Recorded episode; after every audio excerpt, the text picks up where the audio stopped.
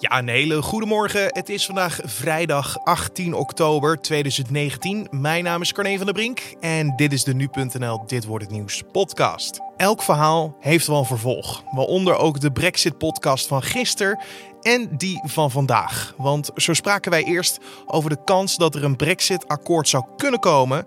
En vandaag gaan we het bereikte akkoord behandelen. Want het Verenigd Koninkrijk en de EU zijn er donderdag uitgekomen. Maar we moeten wel voorzichtig blijven. Ik uh, zou mensen dan ook uh, willen waarschuwen om niet te denken dat de brexit hiermee al rond is. Ik zei net al, we zijn er zeker nog niet. En het belangrijkste mogelijke struikelblok is het Britse lagerhuis. Je hoorde buitenlandredacteur Matthijs Lou die deze dagen bovenop al het brexit nieuws zit. En we gaan straks verder met hem praten. Maar eerst kijken we naar het belangrijkste nieuws van nu. Sinds de Raad van State eind mei een streep zette door de stikstofregels en daarmee duizenden projecten stil kwamen te liggen, lijkt een politieke oplossing nog heel ver weg. Partijen worden het niet eens over welke maatregelen er moeten komen en het kabinet waarschuwt dat een snelle uitweg niet bestaat. Dat blijkt uit het Tweede Kamerdebat van donderdagavond over de stikstofproblemen. Dit is niet met één klap op te lossen, zei minister Carola Schouten van Landbouw tijdens het debat. Met name de bouwsector voelt de pijn dat projecten nu stil liggen. En ook de uitwerking van het klimaatakkoord loopt gevaar, zei Schouten. Ze stak ook de hand in eigen boezem waar het ging om de onduidelijkheid voor de boeren, die te maken hebben met verschillende signalen vanuit het Rijk en de provincies. Boerenbedrijven, met name in de buurt van beschermde natuurgebieden, moeten op den duur minder stikstof uitstoten. Dat kan door middel van innovatie, maar sluiting is ook een optie. Het kabinet stuurt aan op vrijwillige sluiting. Maar de Kamer was zeer verdeeld over de mate van dwang die hier al dan niet bij komt kijken. Vooral coalitiepartijen VVD en CDA willen hier niets van weten. Militairen en gewapende burgers raakten in de nacht van donderdag op vrijdag in de Mexicaanse stad Culiacan met elkaar verstrikt in vuurgevechten toen een zoon van de beruchte drugsbaron El Chapo werd gearresteerd. Alleen iets later bleek dat lokale autoriteiten de zoon weer hebben vrijgelaten om levens te beschermen. De zoon zou een belangrijke rol spelen in het Mexicaanse Sinaloa-kartel dat zijn vader leidde tot zijn arrestatie. Het kartel is verantwoordelijk voor onder meer de smokkel van cocaïne en heroïne naar de Verenigde Staten. Tijdens de chaos in de Mexicaanse stad zouden ook een aantal gevangenen zijn ontsnapt uit de gevangenis in de omgeving. Hoeveel personen weg wisten te komen en hoe dit kon gebeuren is nog niet bekend. En er is ook nog niets bekend over mogelijke slachtoffers door het geweld. Regeringsleiders van de Europese Unie zijn er in de nachtelijke uren tijdens de Europese top nog niet in geslaagd om het eens te worden over toetredingsonderhandelingen met Albanië en Noord-Macedonië. Dat schrijft de Volkskrant. Het merendeel van de Europese lidstaten staat open voor de onderhandelingen, maar onder meer Frankrijk en Nederland werken tegen. Volgens de Volkskrant zou Nederland bij het overleg van donderdag op vrijdag alleen bereid zijn tot onderhandelingen met Noord-Macedonië. Frankrijk is nog tegen de toetreding van zowel Noord-Macedonië als Albanië. Zij zijn van mening dat de Brexit te veel tijd vereist om te werken aan het toelaten van andere landen. Frankrijk en Nederland vinden dat de twee landen nog meer huiswerk moeten verrichten bij het versterken van de rechtsstaat, het uitroeien van corruptie en het bestrijden van de georganiseerde misdaad. Naast Albanië en Noord-Macedonië willen ook Servië, Montenegro, Bosnië en Kosovo toetreden tot de EU. Servië en Montenegro zijn al wel bezig met onderhandelingen. Rick Perry, de Amerikaanse energieminister, heeft president Donald Trump ingelicht over zijn plan om op te stappen. Trump liet donderdagavond weten dat hij binnenkort een vervanger voor Perry bekend maakt. Maar kort voor de aankondiging werd bekend dat Trump Perry had gevraagd om te werken aan Oekraïense gerelateerde zaken. De Democraten startten onlangs een vooronderzoek naar een eventuele afzetting van Trump, nadat een klokkenluider een telefoongesprek tussen Trump en de Oekraïense president Zelensky onthulde. De zoon van Joe Biden, de politieke rivaal van Trump, zou namelijk bij een corrupt bedrijf hebben gewerkt in Oekraïne. Trump besprak deze zaak met de Oekraïense president en wordt ervan beschuldigd voor miljoenen dollars aan steun voor Oekraïne tijdelijk te hebben achtergehouden als om belastende informatie te krijgen over Bidens zoon. En dan gaan we over naar het hoofdonderwerp van vandaag, oftewel dit wordt het nieuws. Het was weer een bijzonder moment dat je nu.nl bezoekt of de app opent en je de kop ziet: Verenigd Koninkrijk en Europese Unie bereiken conceptakkoord over Brexit. Let op, want dan kom ik gelijk met een kanttekening. Ik gebruik namelijk de term weer omdat eerder oud-premier Theresa May het ook al drie keer heeft geprobeerd en drie keer faalde. Toen was er ook een conceptakkoord, maar het Britse lagerhuis en specifiek de Noord-Ierse partij DUP ging hier drie keer niet mee akkoord. In hoeverre is het nieuws van een nieuwe Brexit-akkoord tussen het Verenigd Koninkrijk en de Europese Unie dan nog reden voor blijdschap en misschien zelfs opluchting? Dat vroeg ik aan buitenlandredacteur Matthijs Lelou. Nou, dat hangt er natuurlijk in de eerste plaats vanaf of je voor of tegen de brexit bent. Maar die vraag die zullen we even buiten beschouwing laten. Uh, als we naar dat akkoord kijken, ja, er zijn uh, ontzettend intensieve onderhandelingen aan uh, vooraf gegaan. het was ook zeker niet duidelijk dat het tot een akkoord zou komen. Die kans die werd zelfs heel klein geschat. Dus in die zin is wat er gisteren is gebeurd zeker wel reden voor een feestje. Maar we zijn er nog niet. En er is natuurlijk ook veel gereageerd onder de brexit-artikelen die we hebben geschreven gisteren. Uh, door Nu Jijers. Uh, daar heb ik er eentje uitgehaald. Nu jij Veritas, ik hoop dat ik het goed uitspreek, schreef onder een artikel... Er wordt veel te vroeg gejuicht, want deze situatie zou in zijn ogen vergelijkbaar zijn met die van oud-premier uh, Theresa May. Heeft hij daar een punt dat je dat wel kan vergelijken en dat we misschien veel te vroeg juichen? Dat kun je zeker vergelijken. En ik zou mensen dan ook willen waarschuwen om niet te denken dat de brexit hiermee al rond is. Ik zei net al, we zijn er zeker nog niet. En het belangrijkste mogelijke struikelblok is het Britse lagerhuis. Uh, Boris Johnsons voorganger Theresa May, die ook een uitredingsakkoord met de EU bereikte, die probeerde vervolgens drie keer om dat akkoord door het lagerhuis te krijgen. Dat werd elke keer neergesabeld daar. En uiteindelijk moest May haar conclusies trekken en zelfs opstappen als premier. Nou, Johnson die staat eigenlijk voor dezelfde opgave. Hij heeft er een deal uitgesleept, maar het is zeker nog niet zeker dat hij in het lagerhuis genoeg steun voor die deal zou kunnen vinden. Maar weten we ook iets over hoe deze deal tot stand is gekomen? Want voor mijn gevoel is het opeens in een zeer korte tijd heel snel gegaan. Dat klopt. Het, het, het ging eh, op een gegeven moment heel hard. Er was eerst er waren er natuurlijk boodschappen van beide kanten van nou, we weten niet of we er samen nog uitkomen. Toen uh, gingen de beide partijen samen toch intensieve onderhandelingen in. Dat noemen ze in Brussel de tunnel ingaan. Onderhandelaars die zich opsluiten in een kamertje en net zo lang praten totdat er linksom of rechtsom iets is bereikt. En dat uh, heeft uiteindelijk toch wel wat opgeleverd. Nu had er eigenlijk had de EU-hoofdondelaar Michel Barnier, die had uh, afgelopen dinsdag had hij middernacht als deadline aangewezen. Dat werd niet helemaal gehaald, maar met nog een dag en een uh, ochtend stevig dooronderhandelen zijn ze er uiteindelijk toch uitgekomen. Toen was uiteindelijk de vraag: gaan de wereldleiders van de EU ook instemmen? En dat hebben ze gedaan, hè? Dat klopt. alle overige 27 lidstaten zijn akkoord gegaan met, dit, met deze overeenkomst. Dus uh, die horde is alvast genomen. Uh, het moet naast het uh, Britse lagerhuis moet ook het Europees Parlement zich nog over deze uitredingsovereenkomst gaan buigen. Dus ook daar moet het nog wel worden doorgestemd. Maar hoe klonk de reacties dan van de EU-leiders over dit nieuwe akkoord?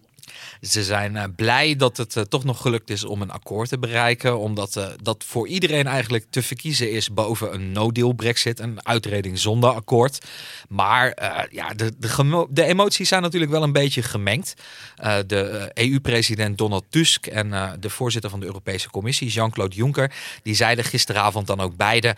we zijn blij en opgelucht dat er een deal is. Maar we zijn heel verdrietig dat het Verenigd Koninkrijk uit de EU stapt. Dus als de Britten in de toekomst ooit nog besluiten om terug te komen, dan staat de deur altijd voor hun open. Maar als we kijken nu naar deze nieuwe deal, hè, dit nieuwe akkoord, is dit nou echt wel een zeer nieuw uh, concept? Of is het eigenlijk gewoon de oude details die we al hadden, maar dan even in de blender gegooid en opnieuw uh, gerangschikt? Nee, het is een, een wezenlijk ander uh, akkoord dan het akkoord van May. En dat geldt dan vooral voor die Ierse grenskwestie. Grote andere delen van het akkoord blijven hetzelfde. De rechten van EU-burgers in het Verenigd Koninkrijk en vice versa, die worden gegarandeerd. het Verenigd Koninkrijk betaalt een soort van echtscheidingsbetaling die onder Theresa May werd vastgesteld. Dus dat blijft allemaal hetzelfde. Maar de oplossing voor die Ierse grenskwestie is wel echt anders dan wat mee in haar koker had. Want er is namelijk een, een soort tussenoplossing uitkomen rollen. Uh, het Verenigd Koninkrijk stapt straks uit de EU. Noord-Ierland gaat met het Verenigd Koninkrijk mee en wordt deel van de Britse douane-unie. Een douane-unie die regelt uh, tarieven op de invoer en de uitvoer van goederen. Dus eigenlijk gaat het over handelsverdragen. En Noord-Ierland stapt ook uit de Europese interne markt, maar blijft als toegangspoort tot die die interne markt zich toch eh, aan een hele hoop van die regels die binnen die markt gelden houden. Die hebben bijvoorbeeld, uh, nou, noemen voedselveiligheid, betrekking op dat soort zaken. Maar de Noord-Ieren hebben nu ook al gelijk gezegd dat zij het hier niet mee eens zijn, toch? Dat klopt. Nou, tenminste, de Noord-Ierse partij Democratic Unionist Party, de Unionisten, dat is een oerconservatieve pro-Britse partij. En die zeggen onder deze overeenkomst van Johnson krijgt Noord-Ierland een wezenlijk andere status dan de rest van het Verenigd Koninkrijk. Terwijl wij gewoon bij het Verenigd Koninkrijk horen. Dus voor hen is dat uh, niet acceptabel. Aanstaande zaterdag uh, zal er gedebatteerd worden in het Britse Lagerhuis over dit akkoord. Dan moeten de parlementsleden ook gelijk stemmen of ze akkoord gaan met dit plan de kans dat dit akkoord doorgaat is toch eigenlijk wel onmogelijk als nu al de Noord-Ieren hebben gezegd wij steunen dit akkoord niet. Als je één ding uh, leert na uh, drie jaar Brexit-verslaggeving, dan is het dat onmogelijk een woord is wat je niet uh, in de mond moet nemen. Maar dat het heel erg moeilijk gaat worden voor Johnson, dat is wel zeker. Hij heeft in totaal 320 stemmen nodig om, om zijn voorstel te laten passeren. En er zijn maar 259 conservatieve parlementariërs waarvan je kunt zeggen, nou het is wel heel waarschijnlijk dat die met de regering mee zullen stemmen. Dat betekent dat Johnson uh, ergens nog 61 extra stemmen vandaan moet halen. En het bijeenkrijgen van die stemmen is zeker nu de DUP zegt we gaan er niet meedoen, is dat uh, erg lastig. Ja, dan gaat hij inderdaad kijken naar Labour of andere zwevende parlementariërs. Want ja, die DUP, dat, die hebben uh, tien parlementariërs, maar die zullen eigenlijk niet over gaan steken naar de kamp van Johnson, toch? Ze kunnen natuurlijk altijd nog overstag gaan. Kijk, als Johnson nou in de komende dagen zegt: jongens, als jullie met mij meestemmen, dan heb ik hier een enorme hoeveelheid geld die dan naar Noord-Ierland toe gaat om jullie regio te ontwikkelen. Nou, dan is het niet uitgesloten dat de DUP alsnog zegt: nou, vooruit. Uh, anders dan moet hij inderdaad, zoals je al zegt, bijvoorbeeld uh, proberen om wat Labour-MP's bij hun partij weg te lokken. Maar die zullen onder zeer grote druk van hun eigen partij staan om dat niet te doen. Er is zelfs al over gepraat dat uh, het mogelijk zo kan zijn dat als Labour-MP's uh, tegen de partij in opstand komen, dat ze dan ook uit de partij worden gezet. Ja, en stel dit akkoord wordt uiteindelijk weggestemd door het Lagerhuis dit weekend, dan gaat de Brexit lijkt me sowieso uitgesteld worden. Dat uh, zou je inderdaad zeggen. Het uh, Britse parlement heeft afgelopen zomer een wet aangenomen, zeer tegen de zin van premier Johnson. De wet BEN. En die wet die verplicht de premier om als er geen uitredingsovereenkomst is goedgekeurd door het Britse parlement, of als een no-deal brexit dreigt, dat hij dan wordt gedwongen om uitstel aan te vragen in, in Brussel. Johnson die ziet dat zelf niet zitten, heeft hij meerdere keren gezegd, maar hij zal er dan toch echt wettelijk toe worden gedwongen. Wat gebeurt gebeurt er dan? Nou, dan gaan we een nieuwe verkiezingscampagne in voor nieuwe verkiezingen in het Verenigd Koninkrijk. En dan zal Johnson zichzelf kunnen neerzetten als de man die koste wat het kost heeft geprobeerd om de brexit te realiseren, maar die van alle kanten werd tegengewerkt. En kunnen we dan zeggen dat we eigenlijk gewoon weer helemaal terug bij af zijn als dat gebeurt? Dat, uh, dat hangt maar net af van het resultaat van de verkiezingen, Carné. Ja, het blijft natuurlijk altijd spannend en onvoorspelbaar, deze hele situatie rond de brexit. Je hoorde buitenlandredacteur Matthijs Lelou. En dan nog even de nieuwsagenda voor vandaag. Automobilisten moeten deze vrijdag rekening houden met drukte op de wegen. In het midden en noorden van het land begint namelijk de herfstvakantie vandaag. Rijkswaterstaat voorziet lange files, vooral in de ochtendspits. En de avondspits komt waarschijnlijk ook vroeg op gang. De drukte wordt ook mede veroorzaakt door vakantiegangers uit het zuiden die deze week herfstvakantie hebben gehad en dus weer terugkomen. De Europese regeringsleiders komen ook vandaag weer in Brussel bijeen. Op dag 2 van de Europese top worden enkele belangrijke thema's besproken. Naast het eerder besproken nieuwe Brexit-akkoord zal ook de Turkse inval van Syrië een gespreksonderwerp worden. Daarnaast is het Europese klimaatbeleid ook een agendapunt. En de Amerikaanse astronauten Christina Koch en Jessica Meir zullen deze vrijdag de eerste volledig vrouwelijke ruimtewandeling maken. Samen verlaten zij het ISS-ruimtestation om een defecte batterij voor het zonne-energiesysteem te vervangen. De wandeling zou eigenlijk in maart plaatsvinden, maar voor één van de astronauten bleken de beschikbare ruimtepakken ongeschikt. En dan nog even het weer. Deze ochtend kan op enkele plaatsen de zon nog gaan schijnen. Maar daarna trekken buien van het westen naar het oosten over het land. Er is kans op onweer en ook veel regenval. En de temperatuur ligt rond de 15 graden. En de verwachting is dat het vanavond weer rustig wordt. En om af te sluiten nog even dit. De ene heeft een halve werkdag. De ander heeft een vrijdagmiddagborrel. Maar wij hebben als afsluiter van de week nu.nl-redacteur Thomas Krachten met zijn wetenschappelijke bijdrage. Iets wat baanbrekend of zeer opmerkelijk was deze week, daar gaat hij op zoek naar en legt het op de vrijdag aan je uit. En welke ontdekking gaan we deze week bespreken, Thomas? Nou, als het aan uh, onderzoekers van de Universiteit van Wageningen ligt, kunnen we op, op de maan en Mars gewassen gaan verbouwen in de grond daar. Ze hebben een soort simulatie gemaakt van, uh, van de grond op Mars, op Mars en op de maan. Ja, en ze hebben daar gewoon uh, tien soorten gewassen ingestoken en gekeken of het uh, kan groeien en of het ook lukt om zaden van die gewassen weer te, te oogsten, zodat je ze weer kan zodat je door kan zetten eigenlijk. En is dit op een simulatiebasis gedaan omdat we te weinig kennis en materiaal hadden van de maan en Mars? Ja, want uh, er is ooit grond van de maan meegenomen naar aarde, maar dat is niet genoeg, laat staan, bedoeld om voor, een Wageninger om er een uh, stuk spinazie in te laten groeien. En grond van Mars hebben we nog nooit teruggehaald naar aarde.